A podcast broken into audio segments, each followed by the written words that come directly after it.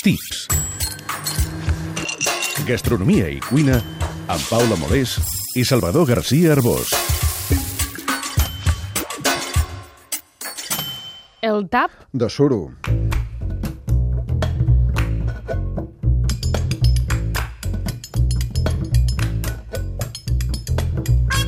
Si passegeu pels boscos del Maresme, la Selva, el Vallès Oriental, el Gironès i l'Empordà, veureu molts arbres amb l'escorça pelada. Són alzines sureres. Precisament, entre el mes de maig fins ben entrat l'estiu es comença a llevar l'escorça dels suros més ofenosos. La més gruixuda és la millor i més cotitzada per fer taps per als millors vins del món. Els boscos de Quercus-Suber, aquest arbre de la família dels roures i les alzines, tenen un gran valor mediambiental.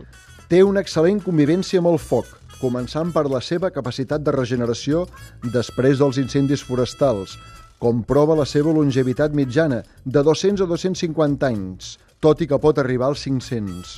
Cal tenir una consciència ecològica enorme i ser molt generós per plantar una sureda. Ha de passar una generació sencera d'avis a nets fins a obtenir la primera collita de suro de bona qualitat. Quan l'arbre té 25 o 30 anys, se pela el suro per primera vegada. Dona pelagrí, que se dedica al granulat i per Nadal a fer pessebres. Quan fa mig segle, es torna a pelar el suro i s'obté el matxot, una planxa o panna molt clivellada que podria servir per a taps naturals, però que se sol fer servir quasi sempre per granulat. Se fa una tercera collita cap als 60 anys quan l'arbre encara està en creixement i s'obté suro de primera i per granulat. Per fi, quan arriba als 80 anys, es fa la primera collita bona. Des d'aleshores cal pelar el suro cada 14 o 15 anys.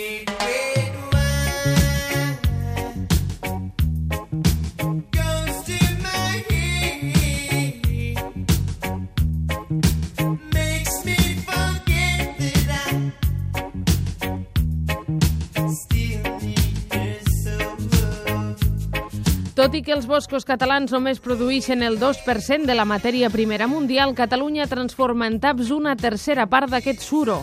Els grans productors són Portugal, que acull la meitat del suro, i Andalusia, que pela la quarta part del suro de tot el planeta. El 60% dels taps dels vins escumosos d'arreu del món se produeixen entre Caçà de la Selva i Palafrugell. La competència dels nous envasos com el Tetrabric, el Backing Box o dels taps de rosca de silicona o de materials sintètics han fet trontollar l'hegemonia del suro, excepte en la gamma més alta de vins, licors o destilats. És cert que baixa el consum de taps de suro per a determinats vins i a més diuen que els de rosca conserven millor el vi blanc i el rosat jove perquè no deixen càmera d'aire.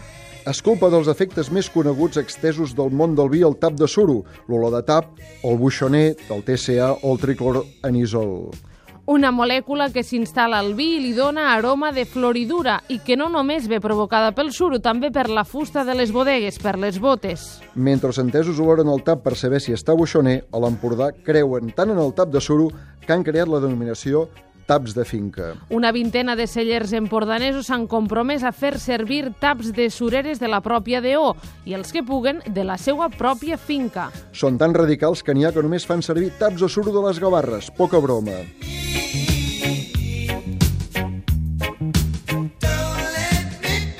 La versió escrita del Tips la podeu llegir a la revista Cuina. I si no us en voleu perdre cap, també us podeu subscriure al podcast del programa.